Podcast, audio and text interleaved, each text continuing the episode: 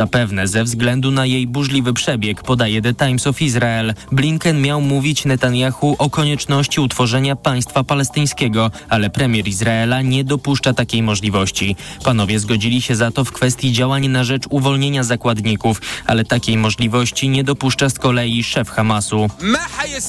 Nie odzyskają zakładników, dopóki nie uwolnią wszystkich palestyńskich więźniów przetrzymywanych w Izraelu. Ale niedługo Hamas może przestać być największym problemem Izraela. Chodzi o rosnące napięcia z libańskim Hezbollahem. Najważniejszym zadaniem Blinkena jest niedopuszczenie do rozlania konfliktu na cały region. Hubert Kowalski, TOK FM.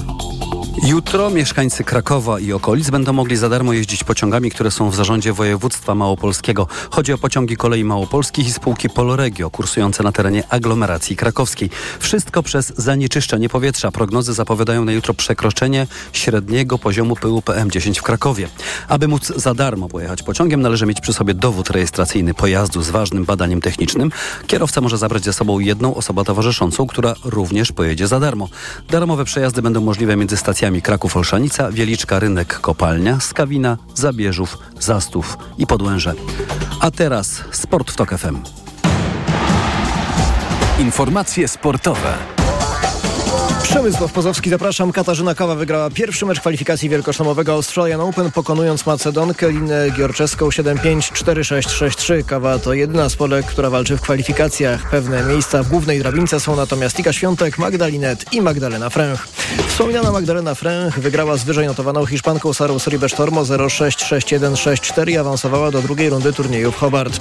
W drugiej rundzie Fręch zagra z rozstawioną z numerem drugim Amerykanką Emmą Navarro. W Adelaidzie z kolei już w pierwszej rundzie po porażce z Jekateriną Aleksandrową odpadła Magdalinet, przegrała 6-3, 6-7, 5-7. Jeden z najlepszych kolarzy świata, Remco Evenepoel, po raz pierwszy w karierze pojedzie w Tour de France. Były mistrz świata i triumfator Vuelty sprzed dwóch lat zadebiutuje w tegorocznej edycji Wielkiej Pętli, która zacznie się 29 czerwca we Florencji, a zakończy 21 lipca wyjątkowo ze względu na Igrzyska Olimpijskie w Nicei. Pierwszy raz od 100 lat startów polskich sportowców na Igrzyskach Olimpijskich będziemy mieć Dom Polski, specjalna strefa dla naszych olimpijczyków, mediów i kibiców ma stanąć w Paryżu w pobliżu kortów Rolanda Garrosa. O szczegółach teraz Michał Waszkiewicz. Takie miejsca spotkań od lat organizują na Igrzyskach różne reprezentacje. W Paryżu po raz pierwszy w historii swój dom będą mieli także polscy sportowcy i kibice, zapowiedział prezes Polskiego Komitetu Olimpijskiego Radosław Piesiewicz. Wyjątkowe miejsce dla naszych e, sportowców. Mam nadzieję, że będzie mix zona i nasi sportowcy będą tam po prostu się dobrze czuli, będą mogli wyjść z wioski, troszeczkę oddechu złapać, poczuć się wyjątkowo i wrócić do koncentracji i walczyć o medale. Pełna koncepcja nie jest jeszcze gotowa. Wiadomo, że Dom Polski zostanie urządzony w dużej rezydencji miejskiej z tarasem i pięknym ogrodem w okolicy Lasku Bulońskiego. Szykujemy pewne niespodzianki, e, więc będzie się działo, ale też będziemy chcieli, żeby to było miejsce, gdzie będą występy naszych artystów, żeby to miejsce dosyć mocno żyło. Na Igrzyska w Paryżu Polska wyśle ponad 220 sportowców. Michał Waszkiewicz, TOK FM. A Igrzyska Olimpijskie w Paryżu zaczną się 26 lipca. Pogoda. Dziś w nocy zachmurzenie małe, tylko na północy i północnym wschodzie więcej chmur i tam może padać niewielki śnieg. Nadal zimno. W nocy na południu miejscami minus 21 stopni, w Małopolsce minus 19, minus 10 na Dolnym Śląsku, Wielkopolsce i w centrum, minus 9 na Podlasiu, minus 3 na Pomorzu. Radio TOK FM. Pierwsze radio informacyjne. 6 minut po godzinie 20. Słuchamy Radia Tok FM. Program specjalny. Dobry wieczór, mówi Paweł Sulik. Jak słyszeliśmy przed chwilą w informacjach Radia Tok FM, dosłownie kilkanaście minut temu, media zaczęły podawać w Polsce, że doszło do zatrzymania byłych posłów Macieja Wąsika i Mariusza Kamińskiego. Obaj zostali zatrzymani na terenie Pałacu Prezydenckiego. Potwierdzili to innymi e, Czesław Mroczek, e, wiceszef MSWiA, który napisał na portalu społecznościowym zatrzymani zgodnie z poleceniem sądu. Również potwierdza to w innym wpisie Marcin Kerwiński. My teraz łączymy się z profesor Dorotą Piątek z Wydziału Nauk Politycznych i Dziennikarstwa Uniwersytetu imienia Adama Mickiewicza w Poznaniu. Dobry wieczór, pani profesor. Dobry wieczór. Najpierw chciałem zapytać, czy to jest koniec pewnej historii, czy tylko przełom, co się może wydarzyć dalej i czy jest zaskoczenie w związku z tym, że teren, który był może nie tak wyraźnie uważany za niedostępny dla policji, jak chociażby uniwersytet, ale mhm. jednak stał się terenem, gdzie policja wkroczyła i aresztowała Macieja Wąsika i Mariusza Kamińskiego. No tutaj pan redaktor poruszył przynajmniej dwie kwestie. Pierwsza to jest rzeczywiście sytuacja kompletnie bez, absolutnie bezprecedensowa.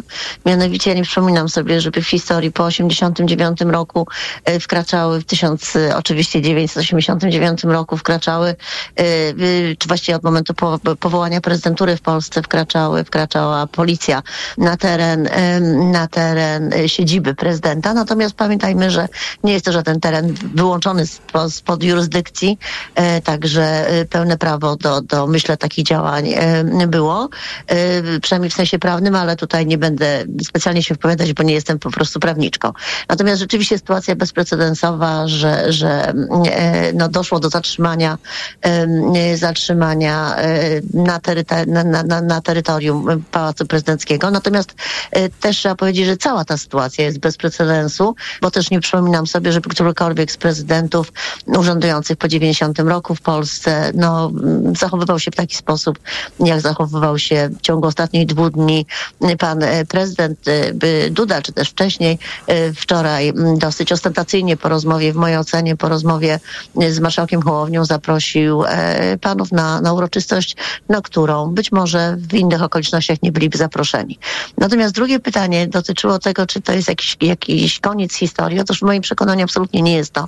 Koniec historii jest to na pewno jakiś przełom, e, w tym sensie, że doszło do chyba czegoś, czego się jednak nie spodziewaliśmy. E, zakładaliśmy pewnie, obserwatorzy zakładali, że ta sytuacja taka patowa może potrwać no jeszcze powiedzmy dzień, dwa. I myślę, że to też było powodem decyzji marszałka Hołowni o prze, przełożeniu tak, tylko te myśli, które przychodzą do głowy nam wszystkim na szybko, to, to też mhm. prowokują pytania, bo na przykład część słuchaczy i słuchaczek myślała, no dobrze, no w, w tym ukryciu, w schronieniu w Pałacu Prezydenckim e, mhm. panowie Maciej Wąsik i Mariusz Kamiński będą czekali do 11 stycznia, do marszu, który, na którym się mhm. objawią jako właśnie e, ci bohaterowie, którzy na marszu w obliczu kamer i tłumów ludzi zostaną spektakularnie zatrzymani i to byłby początek e, takiej opowieści o więźniach politycznych. Nick. To mi przypominało, to by przypominało taką trochę inscenizację z no, nieżyjącym już Andrzejem Leperem, który też dawno temu dał się aresztować na granicy czesko-polskiej, e, tak właśnie w, w fleszach e, kamer, e, bo wiadomo było, że i tak policja będzie tam z wcześniej dosyć zawikłanych powodów e, starała się go zatrzymać, ale w, przede wszystkim po to, żeby no, doprowadzić do, do, do możliwości przesłuchania. E, także tak, taki scenariusz też tutaj wchodził w rachubę, że panowie dosyć tak manifestacyjnie dadzą się, czy tak spektakularnie dadzą się zaaresztować. Natomiast no, pamiętajmy też, i tu się nie zgodzę z panem redaktorem, że oni się nie ukrywali. To nie było ukrywanie się w Pałacu e, Prezydenckim, tylko to było takie dosyć manifestacyjne, czy ostentacyjne e, korzystanie tutaj z gościnności pana, e, pana prezydenta. Wychodzili w końcu panowie dziennikarzy, także no tutaj o żadnym ukryciu czy ukrywaniu mowy być, mowy być nie może. Scenariusze były różne i myślę, że mm, też y, takim scenariuszem mm, bardzo prawdopodobnym był ten, który się w końcu wydarzył. Może nie dzisiaj, też jestem zaskoczona, podejrzewam jak większość, że tak to się rozwiązało. Natomiast no, pamiętajmy, że, że tego rodzaju sytuacja to stanowiła też rodzaj wyzwania dla, dla aktualnie sprawującej władzę koalicji, dla sprawności służb dla tego, czy ta aktualna władza jest władzą skuteczną, czy też. Bo e, zwróćmy uwagę, że gdyby okazało się, że panowie nie byliby aresztowani, to prawdopodobnie mowa byłaby właśnie o jakimś imposybilizmie znowu, jakiejś nieudolności e, rządu i tak dalej. Natomiast cała ta sytuacja, e, no niestety, powoduje, że myślę, te wszelkie jakieś takie konflikty i rozłamy, także i wśród zwykłych obywateli, one będą nadal się utrzymywać, dlatego że no, tutaj jest sytuacja zero-jedynkowa, to znaczy albo akceptuje się jedno rozwiązanie, albo akceptuje się drugie rozwiązanie. Natomiast no nie ma tutaj możliwości, niestety pan prezydent się w tej roli nie sprawił w żaden sposób. Nie ma tutaj możliwości mówienia o jakiejkolwiek próbie łagodzenia e, sytuacji, czy też jakiegoś kompromisowego rozwiązania e, no tego, tego niewątpliwie problemu, który przecież nie ma wymiaru tylko i wyłącznie personalnego, ale ma no wymiar, mhm. powiedziałabym wręcz systemowy. No tak, ale skoro jesteśmy przy tym, e, że oto podziały w naszym kraju jeszcze bardziej się teraz uwidocznią, to jest jedna z teorii, która e, mówi, że mogło tu dojść do pewnej e, nie chcę powiedzieć do pewnego dogadania się, mówiąc kolokwialnie. Otóż Mhm. na naszej antenie, na antenie Radia Tok FM, konstytucjonalista profesor Marek Chmaj twierdził dzisiaj, że policja mogłaby interweniować na terenie Pałacu Prezydenckiego, ale tylko po, bo, bo nie ma formalnych przeszkód. Jest mm, przeszkoda, że się tak wyrażę, no nie wiem.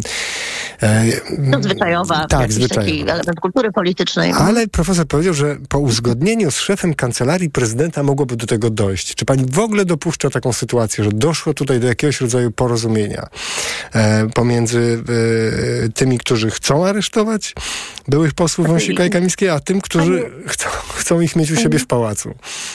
Panie redaktorze, powiem tak, że gdybym była pisarką specjalizującą się w political fiction, to bym zacierała ręce e, na tę sytuację, która się dzieje, bo tutaj scenariusze są absolutnie, myślę, wszystkie możliwe. My funkcjonujemy w sytuacji absolutnej luki informacyjnej i w związku z tym no, możemy sobie snuć rozmaite interpretacje w zależności od, od naszej i wiedzy, ale także i w zależności od naszej fantazji, myślę.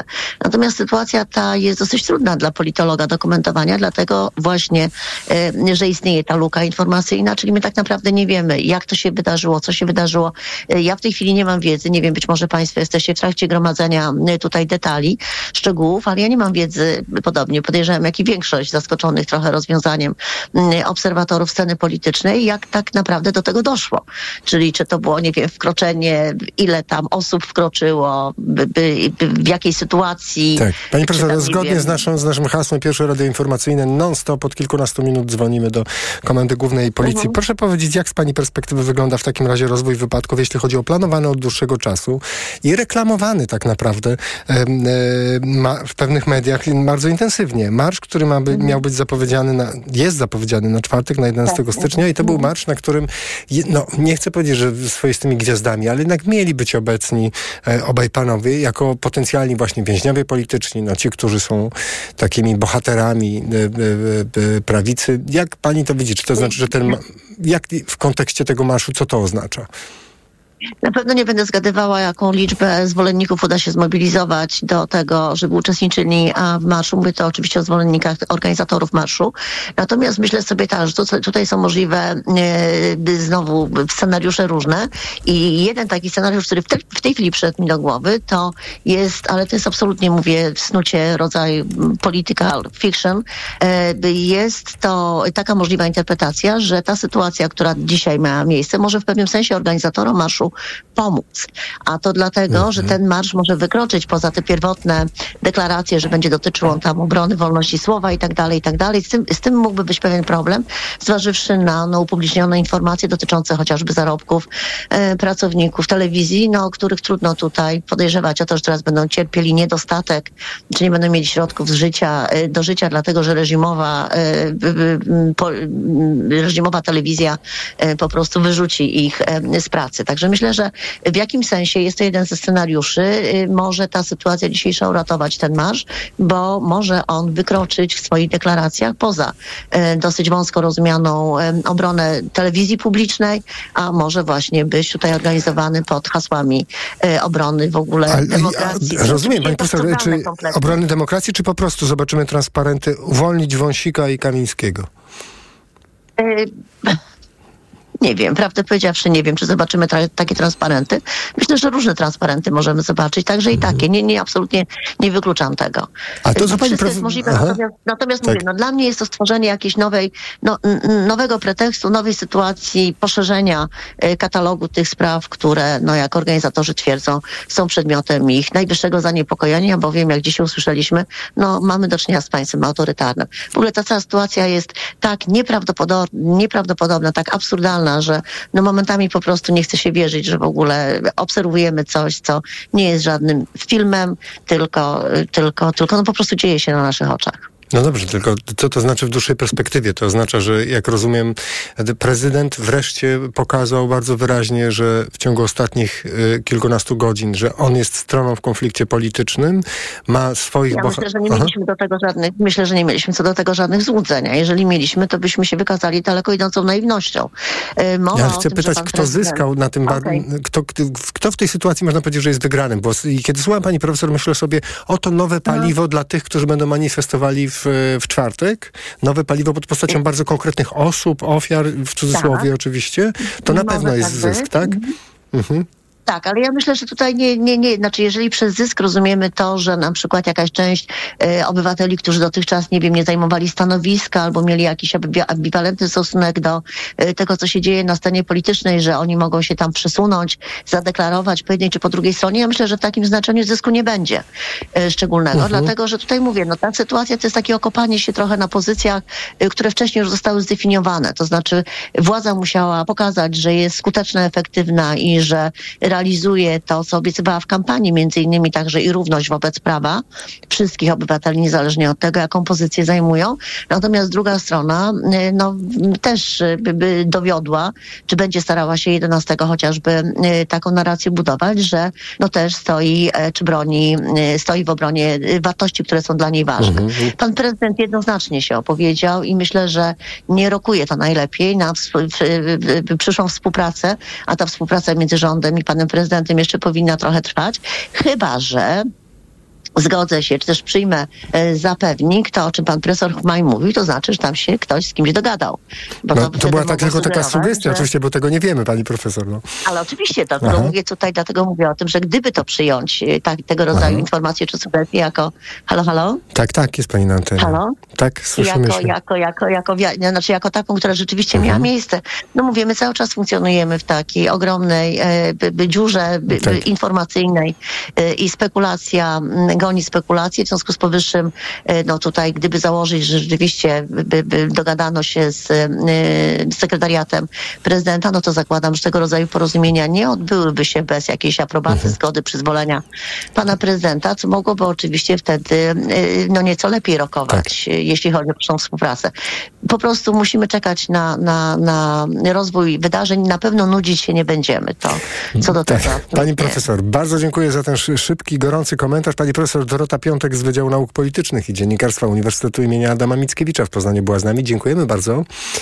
Dziękuję również spokojnego wieczoru mimo wszystko. Tak, bardzo dziękujemy w imieniu słuchaczy i słuchaczek. Również spokojnego wieczoru. Ja przypomnę, bo być może ktoś przed chwilą włączył stację radiową Radio Tok FM i myśli, coś się wydarzyło. Pytanie, co? Otóż posłowie, byli posłowie Maciej Wąsik i Mariusz Kamiński, zostali zatrzymani. Zostali zatrzymani na terenie Pałacu Prezydenckiego. Wkroczyła policja, to zostało potwierdzone. E, w ogóle informacja, która już podawana jest przez e, większość dużych mediów w Polsce, jest potwierdzona przez e, Czesława Mroczka, który napisał na portalu społecznościowym na ten temat. Poseł Kierwiński również. A my teraz łączymy się z profesorem Krzysztofem Urbaniakiem, prawnikiem i politologiem z Uniwersytetu Adama Mickiewicza w Poznaniu. Dobry wieczór. Dobry wieczór. Panie profesorze, no pytanie, które mają wszyscy słuchacze w głowach, pewnie i wszystkie słuchaczki w głowach. Jak to jest? Y, Wszyscy wiemy, że uniwersytety w Polsce są takim miejscem, gdzie policja nie może wkroczyć, tak, bez zgody rektora. Jak to jest z Pałacem Prezydenckim? Wydawać by się mogło, że to jest też miejsce, gdzie nie może wkroczyć policja. To jest y, jakoś regulowane w prawie? Znaczy, komentujemy na gorąco. Wydaje mi się, że e, takiej eksterytorialności nie ma. E, Być może policja faktycznie czekała na moment, aż pan prezydent, który jest chroniony immunitetami, opuści budynek i dopiero wtedy wkroczyła. Być może było jakieś porozumienie. To była generalnie sytuacja dość kuriozalna, kiedy dwie osoby, e, które są poszukiwane przez policję, znajdują się w Pałacu Prezydenckim. Myślę, że, że sam ten fakt i jakby czymś innym jest wizyta, a czymś innym przedłużanie tej wizyty. Mam wrażenie, że, że pan prezydent jednak no, posunął się troszkę w kierunku e, w kierunku, w którym nie powinien się posuwać, czyli wystawiania urzędu prezydenta, samego urzędu prezydenta naprawdę no, na, na, e, na takie pozycje, na których się ten urząd nie powinien znajdować. Mamy sytuację, mimo szumu medialnego, jednak prawniczo dość, e, dość oczywistą. Panowie zostali skazani prawomocnym wyrokiem sądu karnego. I tu jakby sytuacja pod tym względem jest oczywista. Pan prezydent może przecież ułaskawić obu panów, bo mówienie o więźniach politycznych jest chyba w tym momencie kuriozalne, no bo jeden gest prezydenta powoduje, że ci panowie nie będą odbywać kary pozbawienia wolności. Inna sprawa, że mandaty poselskie już w mojej ocenie utracili.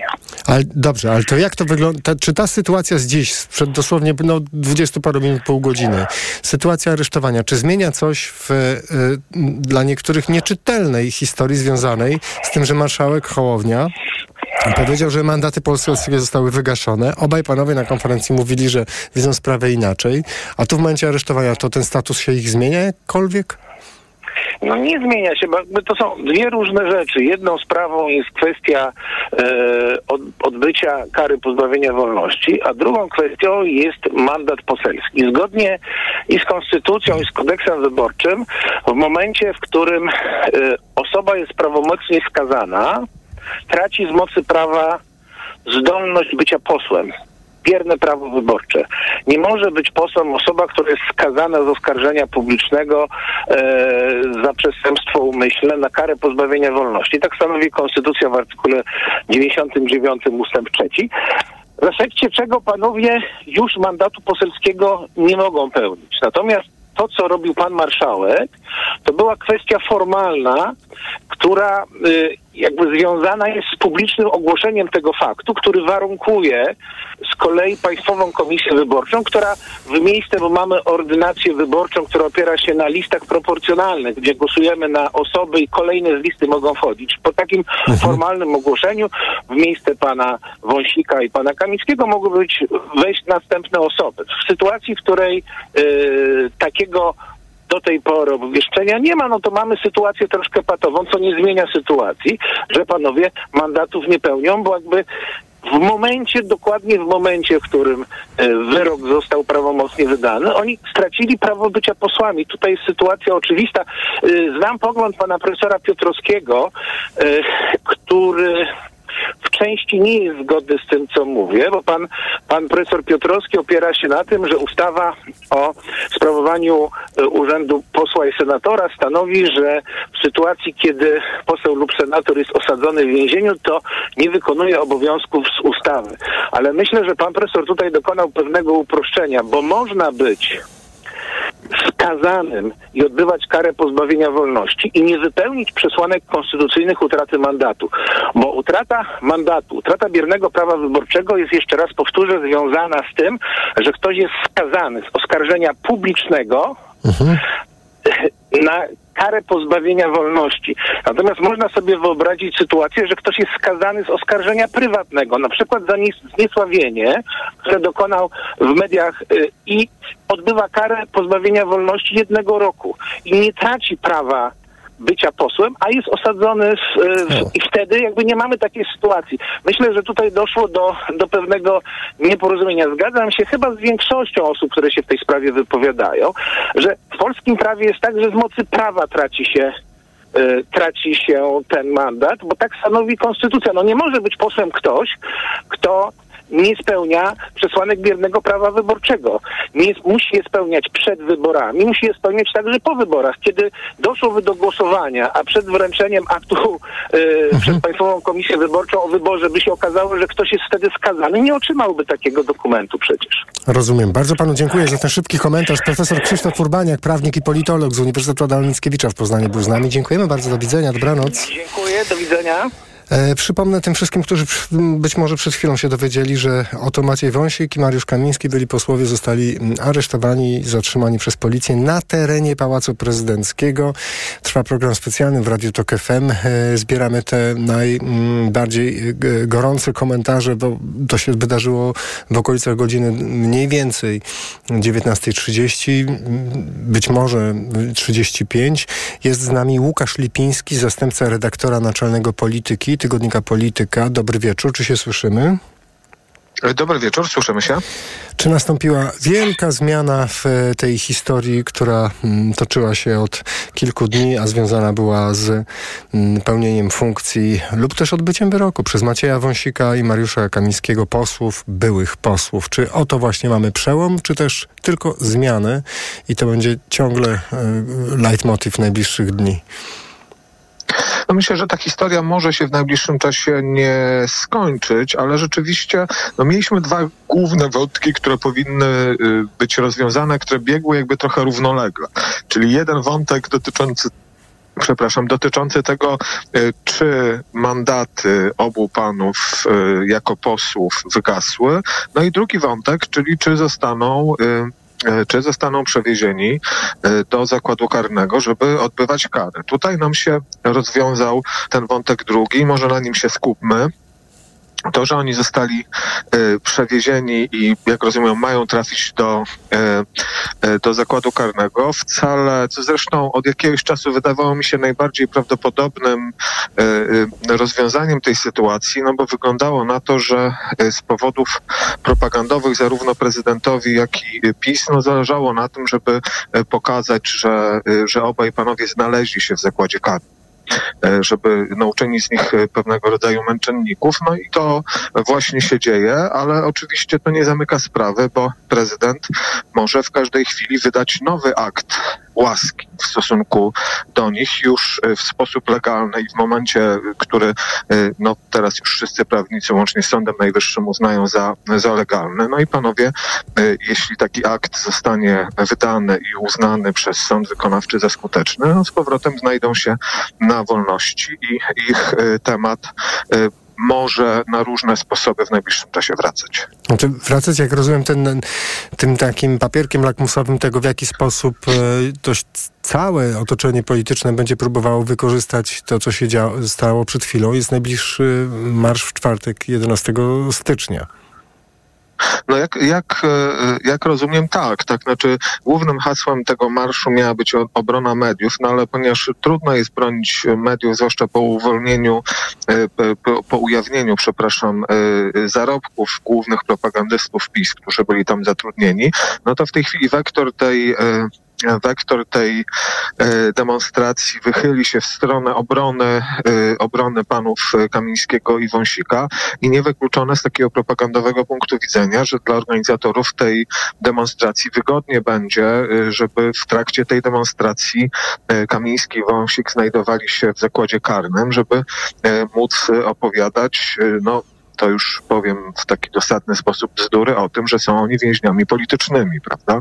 Więźniem politycznym jest Andrzej Poczobut na Białorusi. Oni są politykami, którzy zostali ukarani za przekraczanie e, uprawnień e, prawomocnym wyrokiem sądu. To jest jednak e, różnica, nawet jeżeli istniałby jakiś spór co do tego, czy zostali, czy zostali ułaskawieni w sposób skuteczny, czy nie, to to, że oni zostali przez dwie instancje sądu uznali za, winne, za winnych przekroczenia uprawnień, e, e, przekroczenia zasad prowokacji politycznej, fałszowania dokumentów i tak dalej, no to tutaj to jest absolutnie jasne i mówienie o nich jako o więźniach politycznych mhm. E, no mija się absolutnie z prawdą, no ale tak jak, taka jak rozumiem będzie wymowa tej demonstracji, że otóż panowie Kamiński Wąsik znajdują się w więzieniu jako więźniowie polityczni, e, że kształtuje nam się tutaj jakaś nowa autokracja i tyrania. W związku z tym e, wyborcy Prawa i Sprawiedliwość powinni stanąć murem za tą partią, która z tą autokracją i rodzącą się tyranią w Polsce walczy. To pewnie zobaczymy na transparentach w czwartek 11 stycznia, ale co zobaczymy w Sejmie? Bo tu pojawiają się następujące możliwe scenariusze. E, e, jeśli zdarzy się tak, że e, tych dwóch mandatów po Macieju Wąsiku i Mariuszu Kamińskim celowo nikt nie będzie chciał objąć, tak, bo partia zdecyduje się na takie rozwiązanie, to jak to, to, to jak to mocno zmieni nasz krajobraz polityczny, bo wyobrażam sobie, że będzie można mówić, o ten, ten w ogóle ten Sejm jest nieważny, bo tu dwóch posłów znalazło się w więzieniu na ich miejsce nie ma następnych, a przecież ludzie po to wybierają w wyborach mm, powszechnych y, posłów, żeby oni byli w parlamencie, a nie w więzieniu. Czy, czy możliwy jest taki rozwój sytuacji?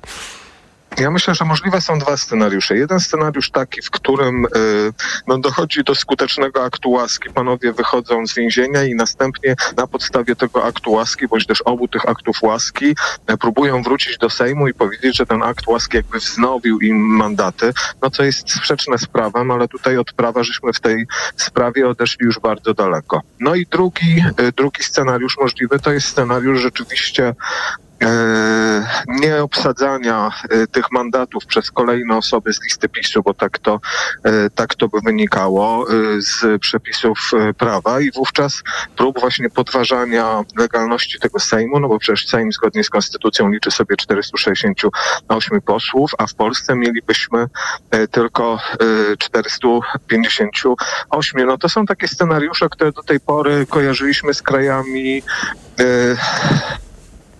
no, w których nie ceniliśmy za bardzo poziomu demokracji, no mniej więcej, mniej więcej w podobny sposób rozgrywały się na przykład konflikty polityczne między władzą a opozycją w Albanii, gdzie za czasów, kiedy Edi Rama, przywódca socjalistów, E, socjalistów był, e, e, był jeszcze szefem opozycji, późniejszy premier wieloletni, no to ta opozycja przez długi czas w ogóle nie brała udziału w pracach parlamentu. Takie rzeczy się zdarzały w takich krajach, ale rzeczywiście no, w krajach rozwiniętej demokracji tego rodzaju działania, takie kompletnie już podważające sens istnienia wspólnych instytucji, takich jak Sejm, no nie miały nigdy miejsca. Ja takie rozgrywanie tej sprawy przez PiS muszę powiedzieć, że oceniam skrajnie skrajnie negatywnie. No dobrze, ale ciekawe jakie są głosy w samym PiSie. Czy tam są, pojawiają się ostrzeżenia przed autentyczną destabilizacją życia w kraju, czy też w ogóle nie, czy też w ogóle mm, celowo z jakiegoś powodu część opinii publicznej e, myśli nie o destabilizacji, tylko raczej zasłonie dymnej. To znaczy oto nowa władza mm, bierze się za wprowadzenie swoich obietnic, a tymczasem cały kraj myśli tylko o dwóch posłach, którzy są właśnie aresztowani. Gdzie tu jest ciężar jakby mhm ważności w tym wszystkim? No ja myślę, że jakby na szczytach władzy, czyli w gabinecie Jarosława Kaczyńskiego, w jego najbliższym otoczeniu zapadła decyzja, żeby tę sprawę rozgrywać y, w najbardziej możliwy ostry sposób, żeby ją maksymalnie eskalować. Chociaż z tych głosów, które padały po wyborach parlamentarnych i przy okazji oceny kampanii, widać było, że tam y, no, zdania są podzielone dotyczące tego, jak dalej postępować i była grupa y, posłów czy polityków PiSu wśród nich można wymienić otoczenie e, Mateusza Morawieckiego, która e, no, jakby namawiała do zmiany podejścia i do próby powrotu do centrum, do próby e, jakby zwerbowania czy zmobilizowania wyborców takich bardziej umiarkowanych. Jak ja rozumiem, Jarosław Kaczyński postawił tutaj na, y, no, na tych najtwardszych i na taką bardzo ostrą y, konfrontację. No to jest strategia polityczna, która może mu przynieść jakieś rezultaty, ale z punktu widzenia znowu państwa, stabilności, no naszej sytuacji geopolitycznej, bo przecież wojna tuż za, naszymi granicami się nie skończyła, różnego rodzaju perturbacje związane też i z wojną na Bliskim Wschodzie, i z problemami gospodarczymi też się nie skończyły. No, tego rodzaju ostre pokrywanie najważniejszymi instytucjami państwa znowu ocenić należy y, naprawdę bardzo negatywnie. No i ostatnie pytanie, tylko króciutko proszę, bo to, bo to jest pytanie czysto intu, intuicyjna odpowiedź powinna się cisnąć nam wszystkim na, na, na, na usta. Ciekawe, co Unia Europejska na to. No ja myślę, że na razie jest tak, że Y, no, że y, instytucje unijne patrzą y, z takim, no, nie mogą wyjść z szoku, znaczy jakby czekają na dalszy rozwój sytuacji. No wiemy, jaka jest na przykład opinia Unii Europejskiej na temat, na temat tej izby, która próbowała, mhm. Sądu Najwyższego, pseudoizby, która próbowała ratować mandaty Kamińskiego i Wąsika. No zdaniem instytucji Unii Europejskiej to jest element jakby takiego sądu nieistniejącego, powołanego niezgodnie z zasadami, który nie może pełnić E, funkcji e, Sejmu w państwach e, unijnych, więc no, jak rozumiem, Unia Europejska jeszcze chwilę będzie patrzyła na rozwój sytuacji, no ale będzie zabierała głos, no bo taka znowu bardzo mocna destabilizacja y, takich mhm. podstawowych instytucji demokratycznych w jednym państwie członkowskich, z państw członkowskich, no na pewno będzie wzbudzała mhm. reakcję. Bardzo dziękuję za komentarz. Łukasz Lipiński, zastępca redaktora naczelnego tygodnika Polityka był z nami. Do usłyszenia. Dziękuję bardzo. E, przypomnę Państwu, że oto e, na teren Pałacu Prezydenckiego wkroczyła po 19.30 policja. Aresztowano Macieja Wąsika i Mariusza Kamińskiego. O tym dziś rozmawiamy z naszymi e, komentatorami e, i łączymy się e, również z ekspertami. Teraz jest z nami Ewa Brzosek, prokurator Stowarzyszenie Prokuratorów Lex Super Omnia. Dobry wieczór. Dobry wieczór Państwu. Jak wygląda z Pani perspektywy e, ta akcja policji, która no, wiąże się z tym, że mm, oto mamy e, dwie osoby, które powinny być doprowadzone mm, e, do aresztu, ale jednocześnie one znajdują się na terenie Pałacu Prezydenckiego. To nie jest oczywiście tak klasyczna sytuacja, jak w przypadku chociażby wspomnianego terenu uniwersytetu, gdzie policja powinna wystąpić o zgodę do rektora. Ale jak to z prawnego punktu widzenia wygląda, kiedy policja w końcu wkracza? E, osobiście oceniam akcję policji bardzo profesjonalnie. Pałac Prezydencki nie jest jakimś terenem eksterytorialnym, czy posiadającym e, właśnie taki, bym powiedziała, immunitet dotyczy określonych osób, nie dotyczy miejsc i budynków. E, zatem policja miała prawo i była uprawniona do podjęcia interwencji w Pałacu Prezydenckim i zatrzymania na podstawie wystawionych wcześniej nakazów przez sąd, zatrzymania panów Kamińskiego i Wąsika i doprowadzenia ich do zakładu karnego.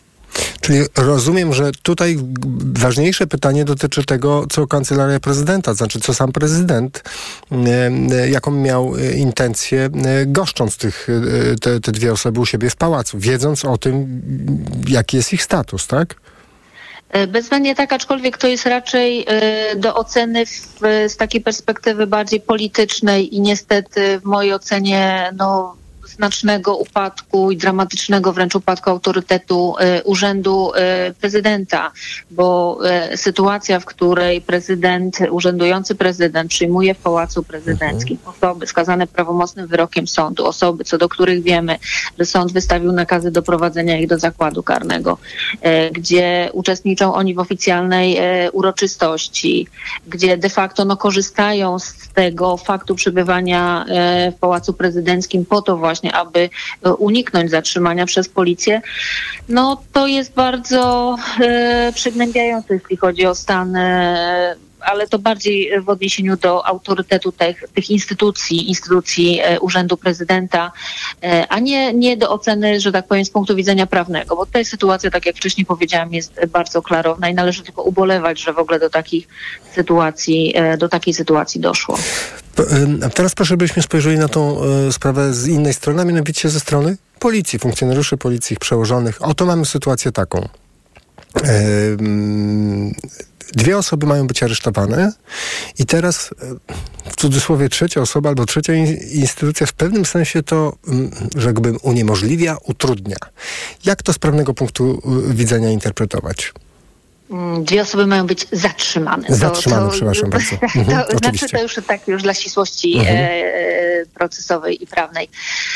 E, e, zgodnie z kodeksem karnym wykonawczym, to znajduje się tam taki przepis, który mówi, że wszelkie instytucje e, i organy państwowe mają niejako obowiązek udzielać pomocy e, policji czy innym e, służbom wykonującym nakazy sądu w tego rodzaju sytuacjach. Tak więc w ogóle ta, to całe zdarzenie polegające na tym, że de facto panowie Kamiński i Wąsik wykorzystali bytność w Pałacu Prezydenckim, no chowając się de facto przed, przed policją.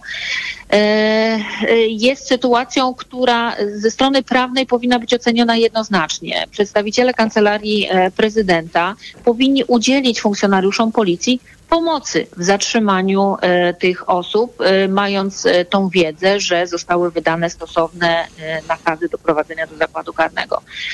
Gdzieś prze, przebiegło mi w, podczas jakichś informacji tutaj medialnych, że panowie Kamiński i Wąsik nadal korzystali z ochrony zapewnianej przez funkcjonariuszy SOP-u. To też hmm. jest no, niebywałe, bym powiedziała, bo, bo tak jak mówię, w zasadzie Służba Ochrony Państwa również jest tą instytucją, która winna pomóc pomagać policji w tego rodzaju sytuacjach, aby te nakazy zostały w sposób prawidłowy y, zrealizowane.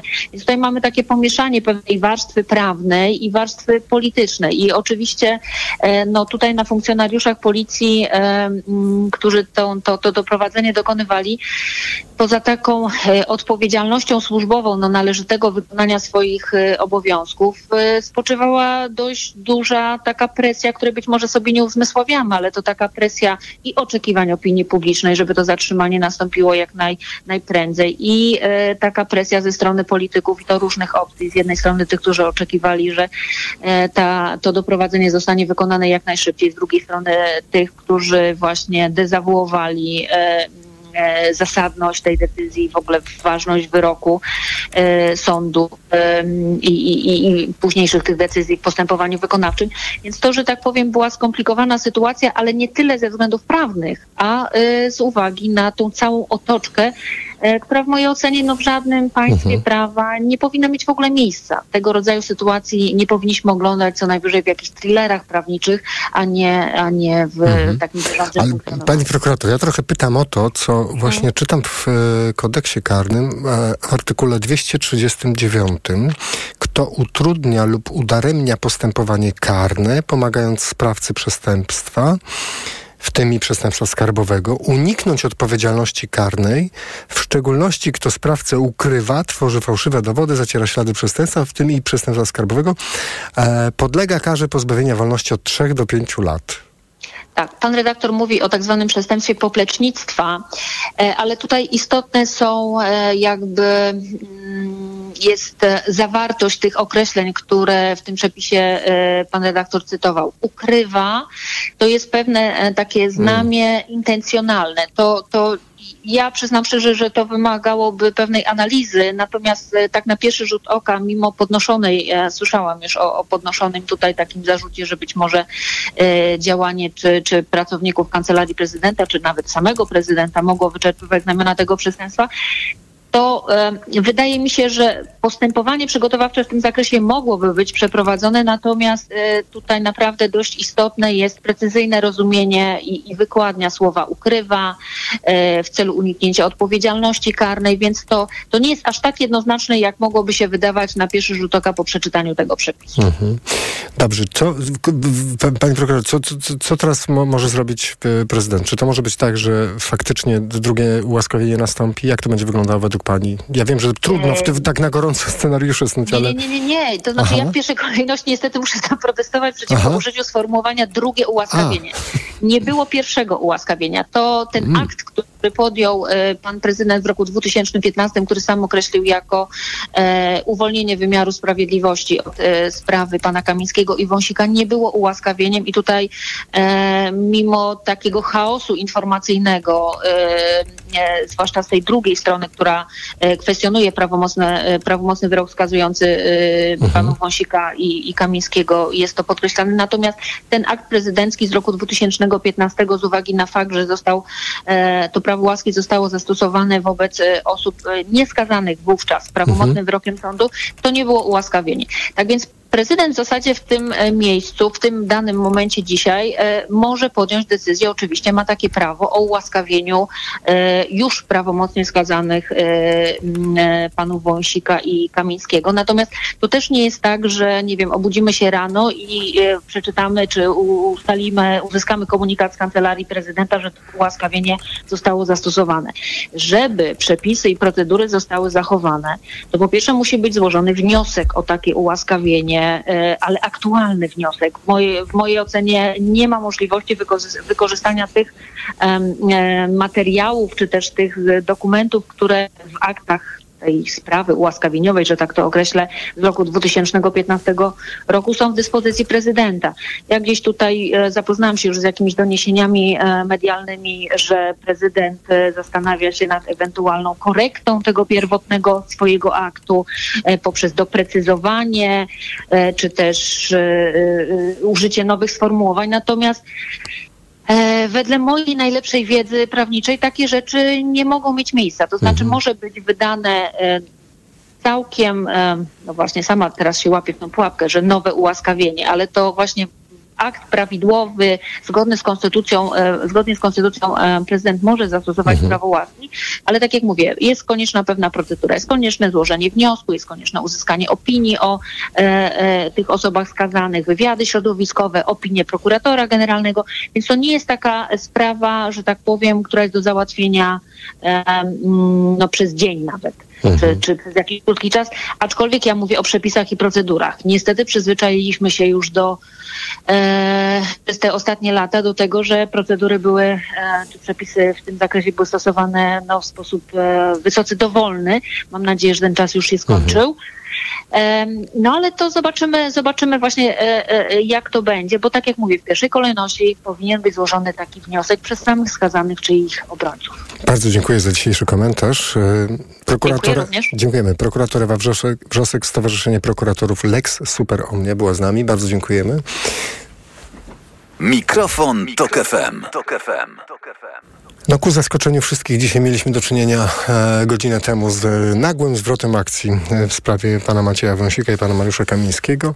W związku z tym państwo usłyszeli w specjalnym programie w Radiu Tok FM komentatorów, ekspertów i publicystów, którzy na ten temat rozmawiali. I oczywiście zmieniamy program. E, e, temat mikrofonu programu z udziałem słuchaczy i słuchaczek Radia Tok FM, który miał dotyczyć dziś e, próbą reform lasów państwowych, przeniesiemy siłą rzeczy na jutrzejszy mikrofon Tok FM, bo teraz rozmawiamy z tymi, którzy blisko sprawy pana Macieja Wąsika i pana Mariusza Kamińskiego byli i to nie od wczoraj. Z nami jest pani Bianka Mikołajewska z Wirtualnej Polski. Dobry wieczór. Dobry wieczór. Gdyby dało się w miarę krótko e, opowiedzieć o tym, z jakiego powodu Maciej Wąsik i Mariusz Kamiński zostali e, skazani, e, to gdzie pani by zaczynała tę historię? W którym, w którym roku, w jakiej sytuacji? Jak to opowiedzieć tak, żeby ktoś, kto właśnie przed chwilą przyjechał do Polski i zastanawiał się, dlaczego ci posłowie znaleźli się tam, gdzie się znaleźli teraz, to gdzie to się wszystko zaczyna? No, oczywiście, jeżeli mamy się cofnąć do momentu, do, do tego, za co zostali skazani, to musimy cofnąć się do popełnienia, do, do roku popełnienia przestępstw, za które zostali skazani, czyli do 2007 roku. To już naprawdę kawał czasu minął. E, To jest okres e, pierwszych rządów Prawa i Sprawiedliwości, rządów koalicyjnych z e, Ligą Polskich Rodzin i z Samoobroną. I wówczas Centralne Biuro Antykorupcyjne, którego szefem był e, e, Mariusz Kamiński, e, organizuje operację specjalną, prowokację, która ma e, na celu udowodnienie, że e, w Ministerstwie Rolnictwa e, dochodziło do korupcji, e, że w sprawę był zaangażowany również e, wicepremier ówczesny z samoobrony Andrzej Leper. E, I e, służba organizuje, e, jak powiedziałam, operację specjalną. E, Prokurator generalny wydaje zgodę na kontrolowane wręczenie łapówki. Y, Jak później ustala sąd, y, mm, to ta zgoda zostaje wydana na podstawie y, nieprawdziwych przesłanek. Krótko mówiąc, sąd uznał, że e, no, nie było podstaw, nie było faktycznych podstaw do tego, żeby taką operację w ogóle zorganizować, bo są konkretne przesłanki prawne, na, na mocy który, na, na podstawie których można takie działania prowadzić. E, Sąd również uznał, że e, w toku tej operacji specjalnej Centralne Biuro Antykorupcyjne e, na polecenie Mariusza Kamińskiego fałszowało szereg dokumentów, których nie mogło, w ogóle służby specjalne mogą czasami e, preparować dokumenty, ale wówczas prawo pozwalało na preparowanie dokumentów na potrzeby operacji specjalnych e, tylko Agencji Bezpieczeństwa Wewnętrznego. Centralne Biuro Antykorupcyjne tego nie mogło robić i mimo, że e, miało tego świadomość, kierownictwo Centralnego Biura Antykorupcyjnego miało opinię w tym zakresie, to jednak fałszowało te dokumenty, później użyło tych sfałszowanych dokumentów, em, bo odkładając je w ministerstwie, składając je w Ministerstwie Rolnictwa. No, jednym słowem e, dochodziło, doszło tutaj do szeregu nieprawidłowości związanych z tą operacją specjalną. Wszystko to miało na celu udowodnienie mm, korupcji e, i, i wyeliminowanie z rządu e, e, mm, samoobrony i Andrzeja Lepera. No jak wiemy, później rząd się rozpadł, koalicja się rozpadła, sam Andrzej Leper już w późniejszym okresie e, popełnił samobójstwo, a, w każdym razie no, tak, tak to ustaliła policja. No i zdarza się nam e, rok, kiedy władza w Polsce zmienia się, zmienia się w Polsce prezydent i prezydent, tak jak słyszeliśmy przed chwilą od prokuratora Ewy Wrzosek, nie do końca dokonuje aktu łaski, ale powoduje, że panowie już nie mają, zmienia się sytuacja pana Wąsika i Kamińskiego. E, I w zasadzie od tego momentu gdzieś tam wisi ciągle w tle, jak rozumiem, e, ta historia, że część społeczeństwa nie do końca rozumie, w jakiej sytuacji prawnej są ci e, e, dwaj politycy. No tak, to akurat trzeba przyznać, że tutaj Prawo i Sprawiedliwość e, włożyło wiele wysiłków w to, żebyśmy my, e, nie tylko w tej sprawie zresztą, ale w szeregu spraw związanych z praworządnością i e, sprawowaniem władzy w Polsce nie byli do końca przekonani, kto ma rację, ponieważ tych spraw takich zamąconych i zakręconych jest, jest znacznie więcej. No w tym przypadku e, winę ponosi e, w znacznej części pan prezydent, który chcąc umożliwić e, panom Wąsikowi Kamińskiemu objęcie urzędów w kolejnym rządzie Prawa i Sprawiedliwości, czyli już urzędu ministra spraw wewnętrznych i wiceministra spraw wewnętrznych, no postanowił ich ułaskawić, czy w cudzysłowie tutaj to, to, to słowo mówię, po wydaniu wyroku w pierwszej instancji. E, później Sąd Najwyższy stwierdził, że e, tutaj wtedy pan prezydent Duda powiedział, że chce uwolnić wymiar sprawiedliwości od e, tego ciężaru i po prostu no, ten obowiązek przejmie na siebie rozstrzygnięcia tej kwestii. Później Sąd Najwyższy stwierdził, że pan prezydent nie miał prawa podejmować takiej decyzji, że mamy rozdzielność władz w, w Polsce i każda władza musi jakby dokończyć dzieła w swoim zakresie i dopiero w momencie, kiedy kończy to swoje dzieło, może w tym momencie wejść do akcji e, kolejna władza, czyli dopiero po prawomocnym wyroku może pan prezydent ułaskawić poszczególne osoby. W tym przypadku powinien to zrobić też dopiero po wydaniu e, prawomocnego wyroku. Jest teraz pole do działania dla pana prezydenta, jeżeli ma taką e, wolę i chęć, chociaż ja uważam, że to jest w ogóle dyskusyjne, bo uważam, że ułaskawienia powinny być jednak zachowane dla nadzwyczajnych nadzwyczajnych sytuacji, sytuacji, w których e, ktoś e, popełnił przestępstwo, ale na przykład e, no, jego zachowanie się znacząco zmieniło albo popełnił w jakichś szczególnych okolicznościach przestępstwo, a tak naprawdę wykazywał się dotąd nienaganną postawą i tak dalej.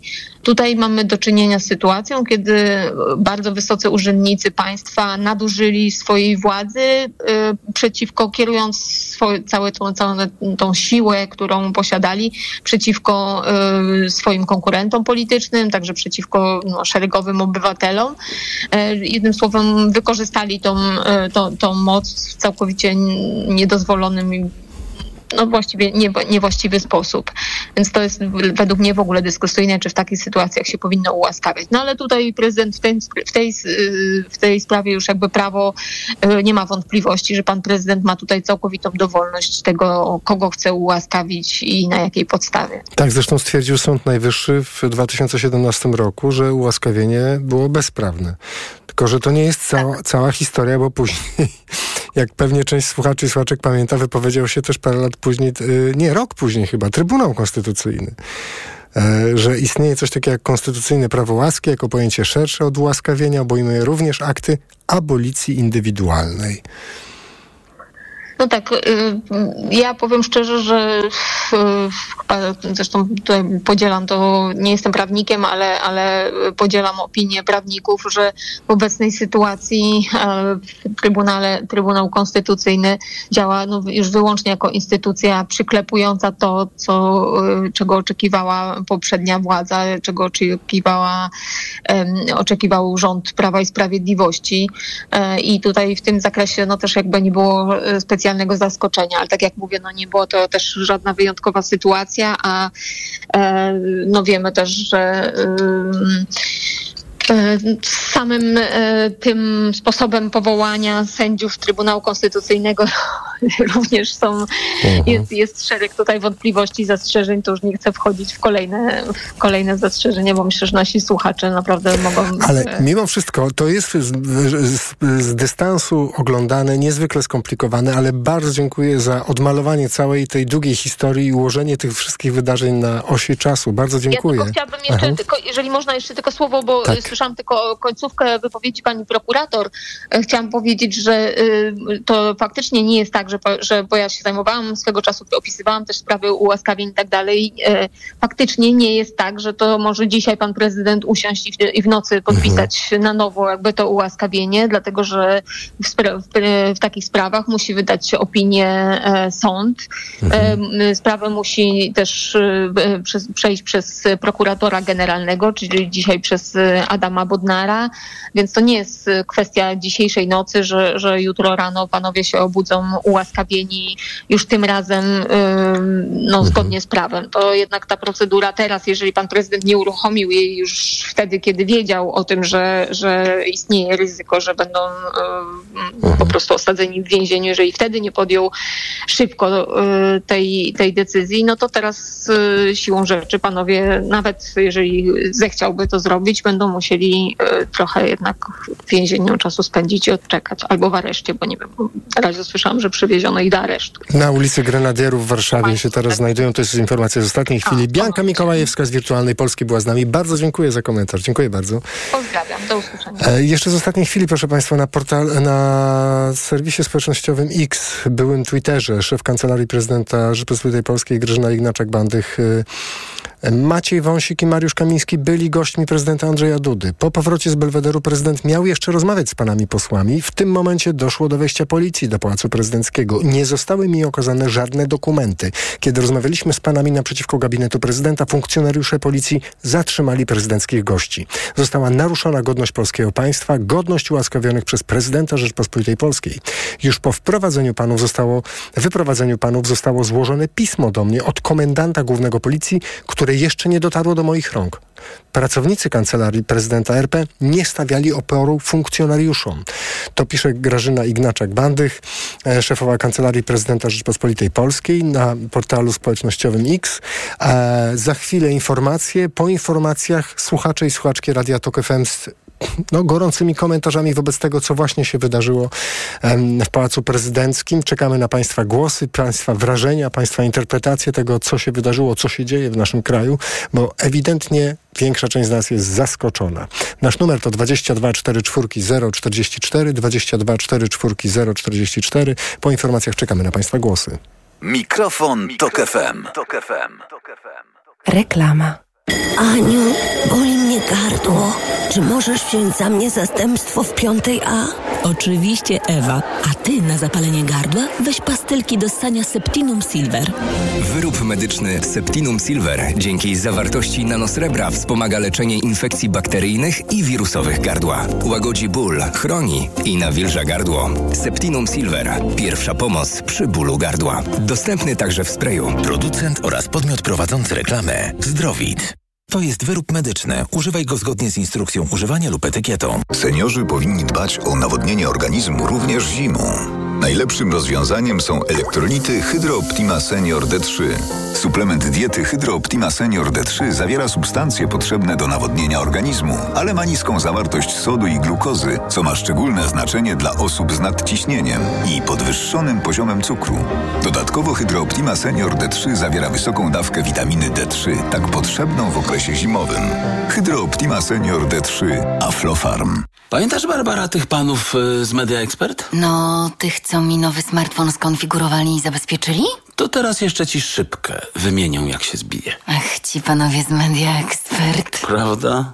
Teraz w Media Expert Twój nowy smartfon skonfigurujemy, zabezpieczymy, a jeśli trzeba, wymienimy stłuczoną szybkę na nową. Więcej w sklepach Media Expert i na mediaexpert.pl.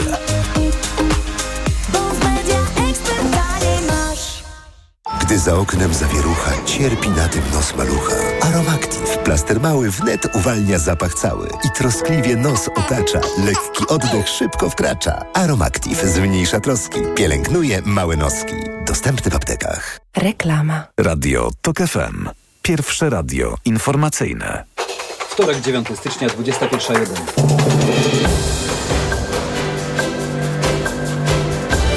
Informacje TOK FM. Konrad Sabal. Mariusz Kamiński i Maciej Wąsik zostali zatrzymani w Pałacu Prezydenckim, przed którym gromadzą się zwolennicy PiS. Setki osób i organizacji apelują o zaprzestanie pushbacków na granicy z Białorusią. Anna Dymna wspomina księdza Lisowicza Zaleskiego.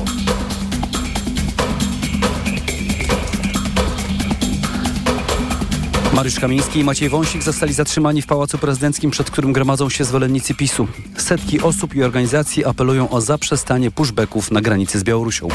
Anna Dymna wspomina księdza Isakowicza Zaleskiego. Mariusz Kamiński i Maciej Wąsing zostali aresztowani. Policja potwierdziła wcześniejsze doniesienie medialne. Politycy Prawa i Sprawiedliwości mieli zostać zatrzymani na terenie Pałacu Prezydenckiego pod nieobecność Andrzeja Dudy, który przebywał wtedy w Belwederze.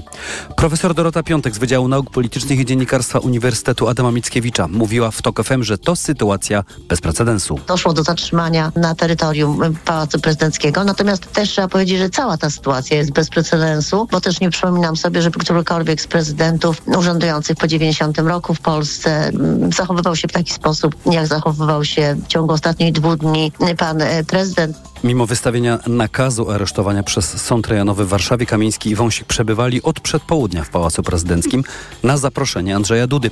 Przed pałacem zebrali się zwolennicy oraz politycy Prawa i Sprawiedliwości. Bruna, brona, orła nie pokona. Bruna, brona, orła nie pokona.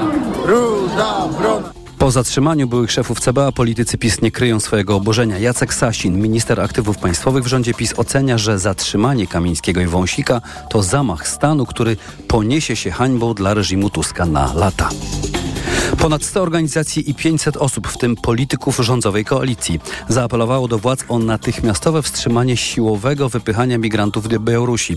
Pod apelem podpisali się m.in. eurodeputowana Janina Ochojska i wicemarszałek Senatu Maciej Żywno. O sprawie Jakub Medek. Podczas zorganizowanej koło Białowieży tuż przy granicy konferencji eurodeputowana Janina Ochojska podkreślała, że rezygnacja z niehumanitarnej, nielegalnej praktyki jest bardzo prosta. Wystarczy usunąć ze stosowania zapis o pushbackach, który nie ma formy ustawowej. Wicemarszałek Senatu Maciej Żywno, który sam pomagał ofiarom kryzysu humanitarnego na pograniczu, apelował też o to, by państwo w końcu zaangażowało się w tę pomoc. Czas na uruchomienie pełnej współpracy z organizacjami pozarządowymi niosącymi tutaj pomoc i ratunek, bo to jest także obowiązek prawny, żeby móc i normalnie e, współpracować z tymi organizacjami. W trwającym ponad dwa lata kryzysie na polsko-białoruskim pograniczu zginęło już ponad 50 osób, głównie migrantów z Bliskiego Wschodu. Kolejną setkę uważa się za zaginione. Z Białego Stoku Jakub Medek, TOK FM. Izrael mógł podczas interwencji w strefie gazy złamać prawo międzynarodowe. Nie wyklucza tego minister spraw zagranicznych Wielkiej Brytanii David Cameron. Cameron składał dziś informacje na temat pełnionego urzędu przed Izbą Gmin. Zapewniał, że krótkoterminowym celem Wielkiej Brytanii jest pomoc w zakończeniu wojny na Bliskim Wschodzie. Jednak w perspektywie długoterminowej jego zdaniem nie da się tego osiągnąć bez rozwiązania opartego na dwóch państwach izraelskim i palestyńskim. Szef brytyjskiej dyplomacji ostrzega też, że wojna na Bliskim Wschodzie odwraca uwagę od tej toczącej się na Ukrainie. A władze Ukrainy zaapelowały dziś o oszczędne używanie prądu. Zdaniem rządu w Kijowie możliwe są awarie systemu energetycznego, który jest celem stałych ataków powietrznych Rosji. Jednocześnie Ukraina odnotowuje w ostatnim czasie wzrost użycia energii, co jest związane z niskimi temperaturami. Premier Denis Szmychal wzywa do solidarności wszystkich Ukraińców. Chodzi o wyłączanie urządzeń o dużej mocy, szyldów, reklam i witryn sklepowych. To są informacje TOK FM. W wieku 67 lat zmarł ksiądz Tadeusz Isakowicz-Zaleski, duszpasterz osób niepełnosprawnych, współzałożyciel i prezes Fundacji imienia brata Alberta. Tak wspomina go przyjaciółka, aktorka Anna Dymna. Myśmy razem ze sobą współpracowali. Patrzyłam się, jaki on ma stosunek do osób z niepełnosprawnością intelektualną. Ile ma cierpliwości, pokory, poczucia humoru, jak ich traktuje. Uczyłam się wszystkiego od niego i od nich. Anna Dymna wspomina też, że to właśnie ksiądz Zaleski zainspirował ją do stworzenia fundacji Mimo Wszystko, wspierającą osoby z niepełnosprawnością intelektualną. Jak jego podopiecznym się działa krzywda, to Tadek powiedział, jeszcze wtedy mówił, proszę pani, no to niech pani coś zrobi. No, jak im się dzieje krzywda. Ja wiem, co mam do domu ich wziąć? Nie wiem, pani fundację założy. Myślałem się, będzie mi tu chłop w spódnicy gadał takie rzeczy. No i dzięki temu powstała fundacja Mimo Wszystko. Ksiądz Tadeusz Isakowicz-Zaleski był też działaczem społecznym i publicystą. Nagłaśniał niewygodne tematy. Mówił m.in. o współpracy księży ze Służbą Bezpieczeństwa czy pedofilii wśród duchownych.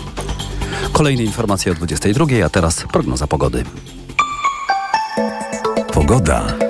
W nocy niewiele chmur, tylko na północy i północnym wschodzie pojawią się niewielkie opady śniegu. Na Pomorzu i na Mazurach silne zamglenia. Na termometrach nawet minus 21 stopni miejscami na południu, minus 19 w Krakowie, minus 10 w Poznaniu i Warszawie, minus 9 w Szczecinie, minus 3 w Trójmieście.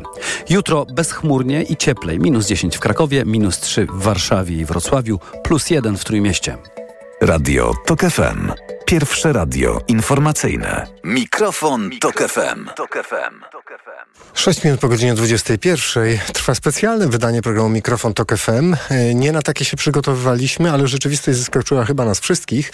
E, państwo słuchali e, w ciągu ostatniej godziny na antenie Radia Tok FM ekspertów, komentatorów e, w kwestii, która mm, wygląda w największym skrócie tak, że dziś po godzinie 19.30 na teren Pałacu Prezydenckiego Wkroczyła policja, zatrzymani zostali byli posłowie Maciej Wąsik i Mariusz Kamiński e, i e, to, co wiemy dotychczas, to mm, informacje, których udzielała mm, szefowa Kancelarii Prezydenta Rzeczpospolitej Polskiej. E, Krótki opis Państwu przedstawiłem przed godziną 21. W największym skrócie, mm, kiedy rozmawialiśmy z panami naprzeciwko gabinetu, w sensie z panem Wąsikiem i Kamińskim, naprzeciwko gabinetu prezydenta, funkcjonariusze policji zatrzymali prezydenckich gości. Już po wyprowadzeniu panów zostało złożone pismo do mnie od komendanta głównego policji. Jeszcze nie dotarło do moich rąk. My dzisiaj Państwa pytamy o te pierwsze wrażenia na gorąco. Co tu się dzieje? Pod numer 22 44 044 pan Janusz z Kośminka zadzwonił. Dobry wieczór, panie Januszu. A kłaniam się, dobry wieczór. Wie pan co, to jest naprawdę komiczne, bo wychodzi na to, że pan Andrzej Duda sam własnoręcznie zaprowadził panu Wąsika i Kamińskiego do więzienia. Własnoręcznie, bo najpierw próbował o, y, ograć wymiar sprawiedliwości po cwaniacku, ułaskawiając ich w cudzysłowie, a później, a na koniec, a na koniec jego własnej siedziby panowie zostali w kajdankach wyprowadzeni do Mamra. I wie pan, tak naprawdę, gdyby pan Duda ułaskawił ich normalnie, jak pan Bóg przykazał po wyroku prawomocnym, oni byliby wolni w tej chwili i z czystym kątem. E, więc cały ten cyrk błazeński spowodował pan Andrzej Duda. Ale wtedy, kiedy pan Andrzej Duda ułaskawiał obu tych facetów, jego obóz polityczny potrzebował ludzi do brudnej roboty. Ludzi do brudnej roboty, co już są zbrukani i będą chodzić na krótkim sznurku, na krótkiej smycze, jak się okazało, że dobrze wybrali, bo obaj panowie popełnili później, jak się wydaje, kolejne przestępstwa polityczne przeciwko opozycji. I tak naprawdę Pegasus to jest dopiero przed panami jest prawdziwa odsiadka za Pegasusa. A wtedy pan Andrzej Duda nie będzie prezydentem i już ich nie ułaskawi. I panowie Wąsik i Kamiński będą odpowiadali na warunkach recydywy, więc obaj wdepnęli jak, no, y, jak w błoto. Ale zostawmy ten komiczny aspekt. Wie pan co, aspektem ponurym tego wszystkiego jest to, że mnie się otwierają klapki w głowie historyczne i ludzie różnie, różnie mówią, że to PiS zachowuje się jak Konfederacja Targowicka, że to y, upadek I Rzeczpospolitej, a to, że to, prawda, y, stan przed atakiem bolszewików na Polskę.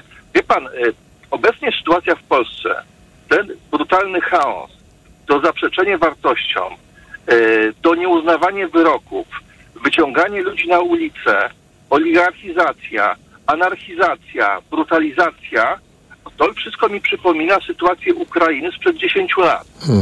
Przed pierwszą inwazją Rosji na Ukrainę, kiedy w państwie ukraińskim panował właśnie dokładnie taki chaos.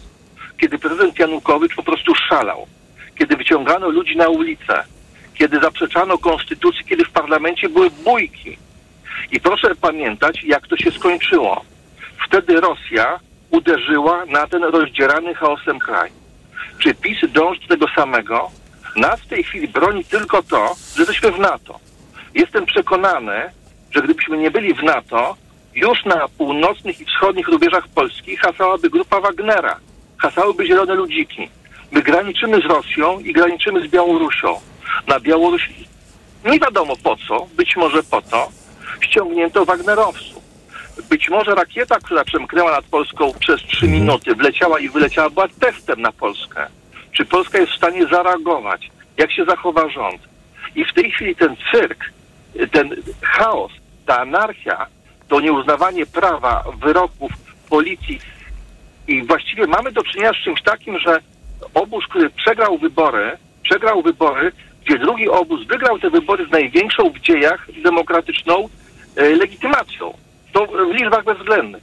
Ten, ten drugi obóz próbuje nie dopuścić do objęcia władzy, do wykonywania władzy publicznej przez obóz, który wygrał y, w demokratycznych wyborach, narażając Polskę, proszę sobie wyobrazić, kiedy w, w pewnym momencie, w jednym momencie zrezygnowali z, z służby wszyscy, czy prawie wszyscy dowódcy policji. Mhm. Kiedy kraj zostaje praktycznie rzucony, porzucony przez policjantów. Oczywiście po kilku dniach e, byli następcy, zastępcy, ale, ale to, to był moment, kiedy mogły nastąpić, nie wiem, ataki terrorystyczne na Polskę. Hmm. Panie, panie Januszu, Kiedy główni, główni, Mhm. główni oficerowie policji i wojska nagle odchodzą, rzucają służbę, mówią cześć. ja rozumiem, to jest bardzo czarny scenariusz pan rysuje i w bardzo czarnych barwach, ale rozumiem tę wizję. Bardzo dziękuję za to, że pan do nas zadzwonił. Pan Janusz z Kośminka był z nami. 22 4 4 0 44. Pan Marek z Katowic. Dobry wieczór, panie Marku. Dobry wieczór. Słuchamy pana. Chciałem e, zachęcić wszystkich, również pana Janusza z Kośminka, do czytania Konstytucji.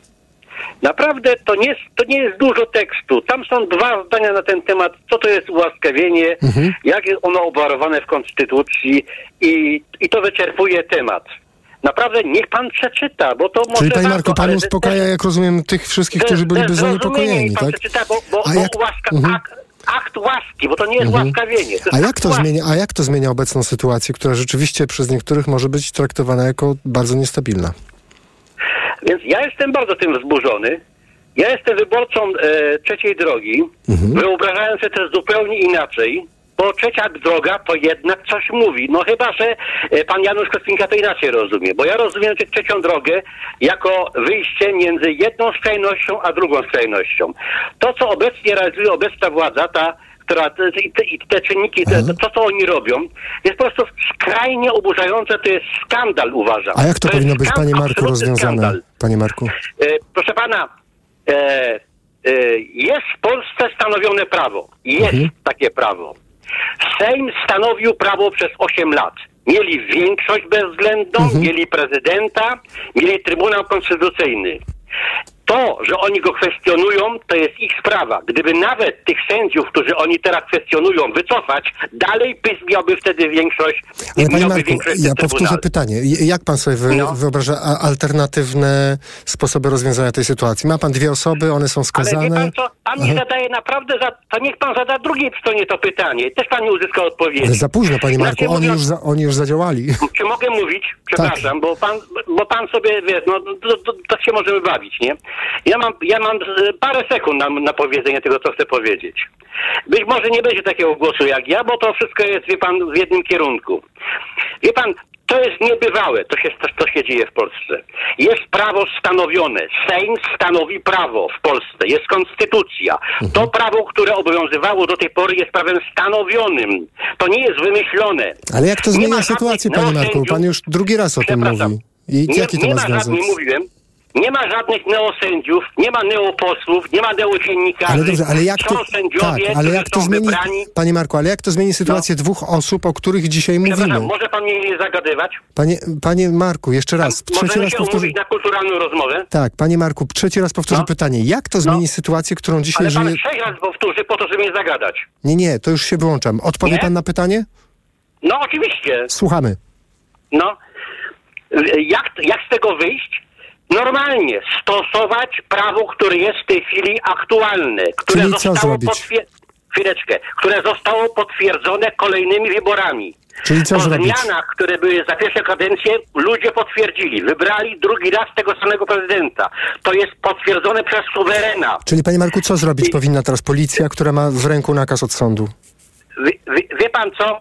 E, to jest naprawdę kwestia dla prawników i ci prawnicy nie są zgodni w tej kwestii. Nie jest tak, jak wy opowiadacie, że zapraszacie z jednej strony ludzi i oni e, jak papugi dyktują jeden temat. Czyli panie To Marku, co prawda. powinna policja zrobić w tej Czytać sytuacji? konstytucję. Zapraszam wszystkich e, słuchaczy do Aha. czytania konstytucji. No to właśnie, nie jest panie trudny Ma- tekst. a panie Marku, a pan przeczytał? Przeczytajcie. A pan przeczytał?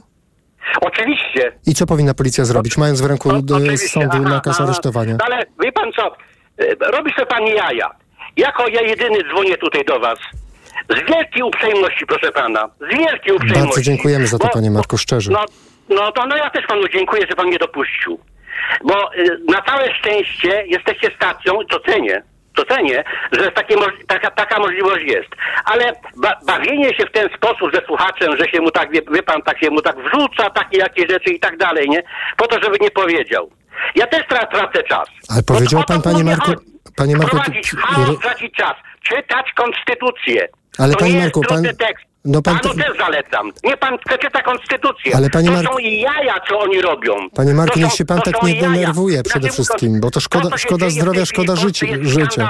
Panie Marku, jeszcze raz dziękujemy za pana głos, za to, że pan do nas zadzwonił. Dziękuję, kłaniam się panu My się kłaniamy. Wszystkiego dobrego. Do usłyszenia. Pan Marek z Katowic był z nami. Pan Adam z Łodzi yy, teraz dzwoni. Halo, dobry wieczór, panie Adamie. Dobry wieczór. Dobry wieczór, słuchamy pięknie. Ja bardzo współczuję y, tej dyskusji przed momentem. Y, Natomiast y, chcę powiedzieć, że dla mnie zadziwiające jest tylko to, że od momentu prawomocnego wyroku ta sprawa się tak ślizgała. To jest dla mnie zastanawiające, ponieważ jeżeli sąd wydał prawomocny wyrok, to już w tym momencie odpowiednie e, organa, e, e, czyli policja, powinny zostać poinformowane, czyli w sposób pisemny, że te osoby są do zatrzymania. Koniec, kropka. E, To przewijanie się takie pomiędzy tym, czy to jest ważne, czy nieważne, znowuż wracanie do tego, czy pan Duda, e, ja celowo nie używam sformułowania prezydent, bo to nie jest mój prezydent, e, czy e, ułaskawił, czy nie ułaskawił, to było najgorsze w tym wszystkim i to spowodowało, że dzisiaj ta e, nasza dyskusja ma takie oblicze, jak chociażby przed chwilą e, głos pana Marka z Katowic. No, panie Adamie, no ale to nie głos, każdy ma prawo do swojego głosu. Pan oczywiście. Marek również. Oczywiście, ja tego nie neguję. Wypowiedział swoje zdanie, ja się z nim nie zgadzam, Mhm. y, to jest moja opinia, natomiast to właśnie eskalowa, eskaluje tego typu napięcia niepotrzebne.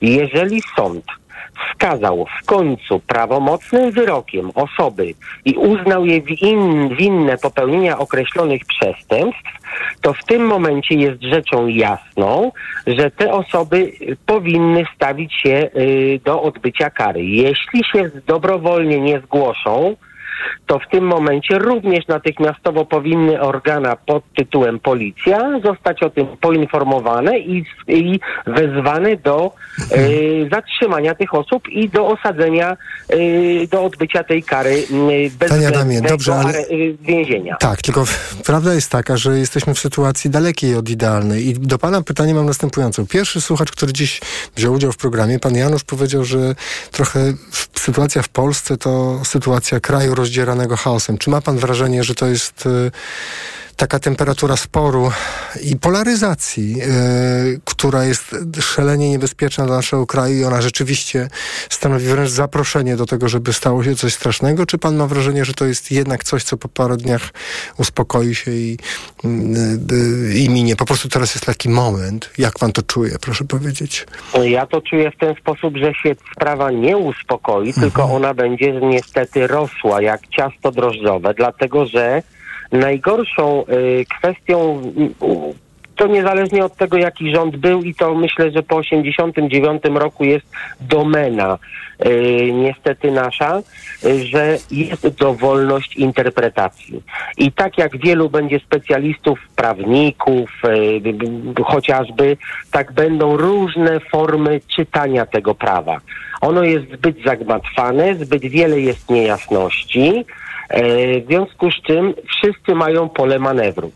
I tak czyni pan y, Duda, tak czyni powiedzmy, czyniła y, y, poprzednia władza, tak również mam wrażenie czyniła obecna, która wcześniej też rządziła. E, I na tym się właśnie ten cały konflikt nasz narodowy opiera. Dlatego uważam, że jeżeli zależy powiedzmy obecnej władzy, a ona się nie składa tylko już teraz z jednej partii, na tym, żeby nie dochodziło do takich sytuacji, to te mądre, tęgie głowy powinny usiąść i popracować rzetelnie nad zmianą przepisów, żeby one nie były dowolne w interpretacji. Bo niestety ja podejrzewam, że jeżeli dojdzie za jakiś czas znowuż do wywrócenia stolika, czy powiedzmy, no może nie, no bo to Konfederacja chciała zrobić, a się nie udało, czyli do ewentualnie jakiejś zmiany ilości osób siedzących przy tym stoliku, to znowuż ta interpretacja pójdzie w drugą stronę. I to nas będzie tak gnębiło i gnębiło i gnębiło. Panie Adamie, bardzo dziękuję za Pana głos. Do usłyszenia. Pan Adam z Łodzi był z nami pod numer 22 44 044. Pan Marcin z Norwegii zadzwonił. Dobry wieczór, Panie Marcinie. Dobry wieczór panu, dobry wieczór państwu. Słuchamy Pana. Na początku chciałem przesłać troszeczkę norweskiego spokoju panu Markowi z Katowic, bo myślę, że zatrzymanie tych dwóch ancymonków nie jest tego warte, żeby pan Marek się denerwował. Zdrowie jest najważniejsze, nie jakieś zatrzymania. Eee, abstrahując od wszystkiego, chciałem powiedzieć tutaj, myślę, że niepotrzebnie jest dmuchany balonik e, nad tym zatrzymaniem, ponieważ to jest w państwie demokracji i prawa, to jest normalna rzecz. Dzisiaj w Polsce podejrzewam, że było 100 takich zatrzymań, czy 200, tak?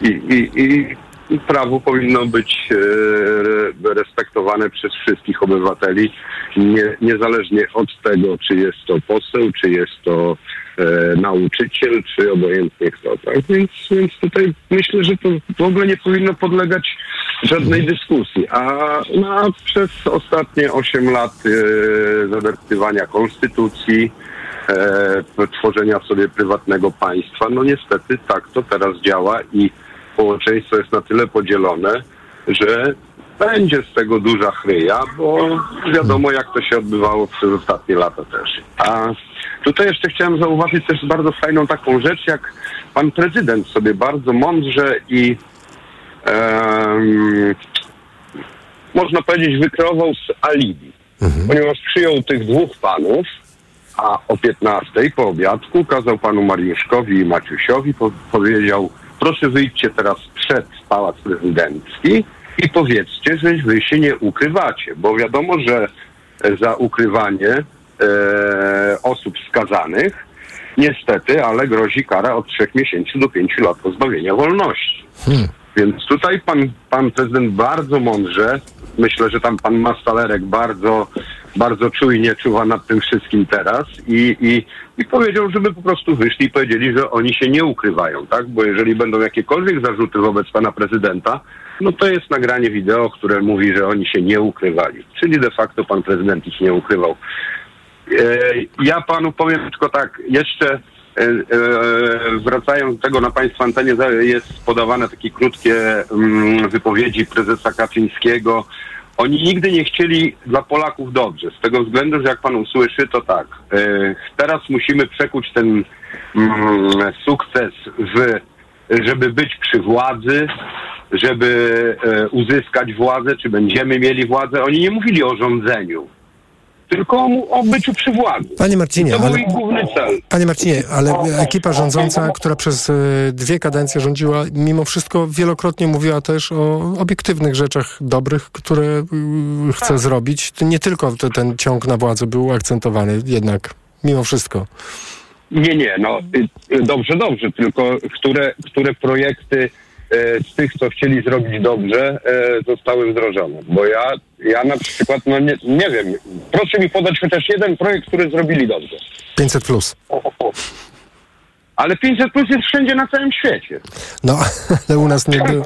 Panie, Ma- Panie Marcinie, pan dzwoni, z no, pan dzwoni z Norwegii i rozumiem, ma pan pełne prawo patrzeć na to wszystko z dystansem, ale w Polsce tego 500 plus nie było. No tak, no ale to no, wszędzie jest na świecie, tylko ja, ja, powiem, jed, ja, ja tylko powiem panu jedną rzecz. Dopóki wszyscy Polacy, bo, bo tak naprawdę proszę zobaczyć też na historię na przykład rządu belgijskiego. Przez 18 miesięcy nie było w ogóle rządu, bo nie mieli zaufania ani do jednych, ani do drugich. Panie Marcinie, ale tak można bardzo rozszerzył nam pan pole dzisiejszego programu, za co bardzo panu dziękuję, a przede wszystkim panu e, dziękuję za pana trochę chłodu i dystansu z e, północy naszego kon- kontynentu. Pan Marcin z Norwegii do nas dzwonił, dziękujemy bardzo. Pan Andrzej z kolei z Lublina. Dobry wieczór, panie Andrzeju. Dobry wieczór. Słuchamy pana. Wszyscy zajmują się tym kabaretem, a nikt nie myśli o ochronie.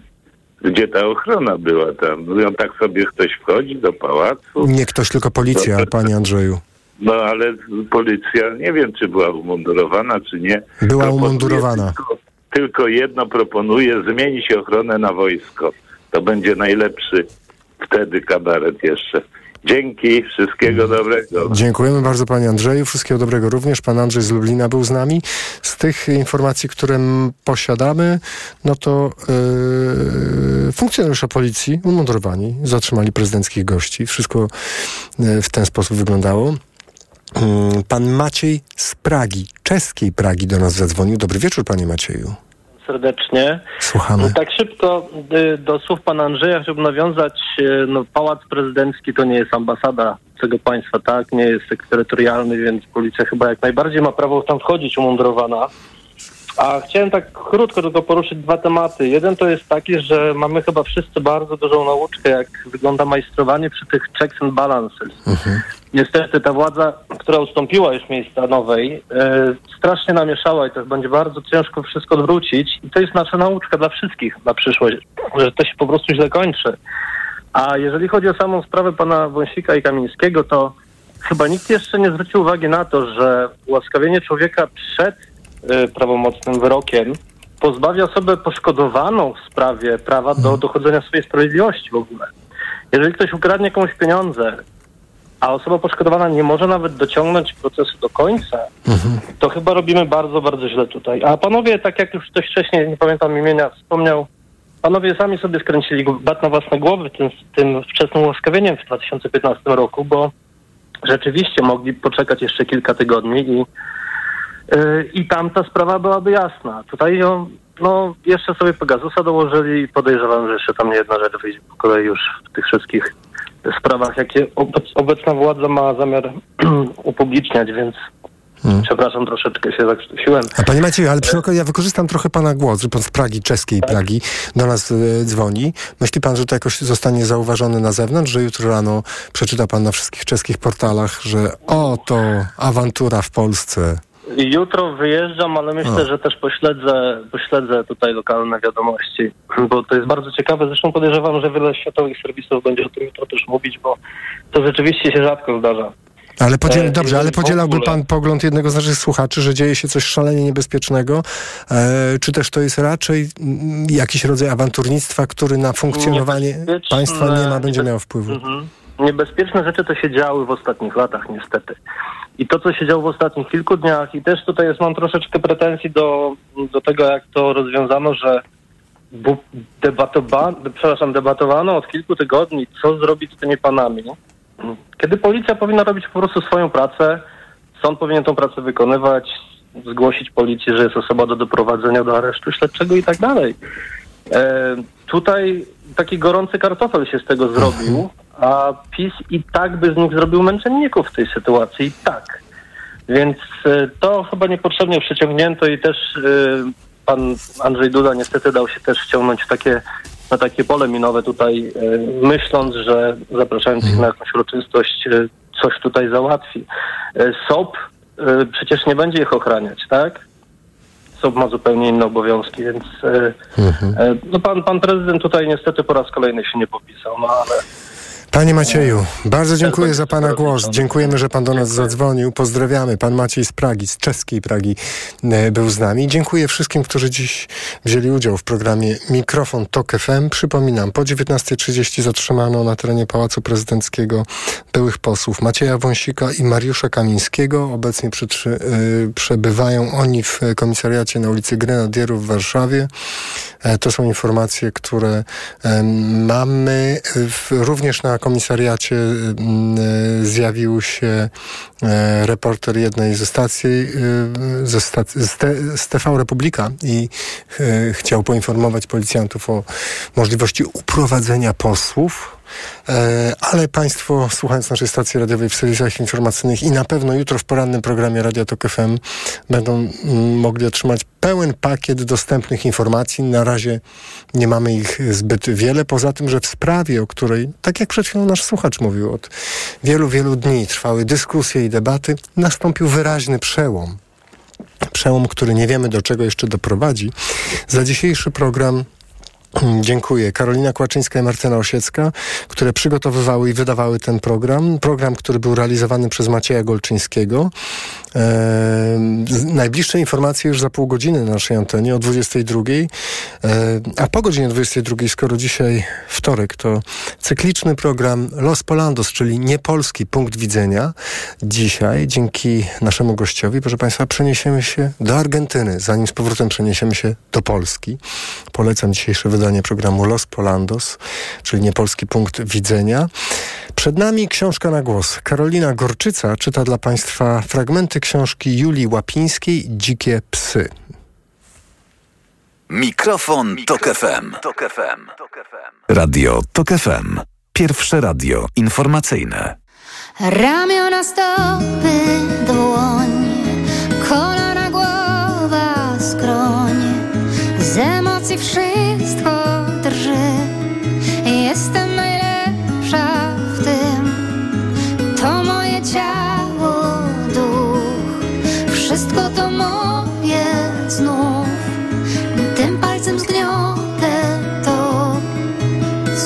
co mi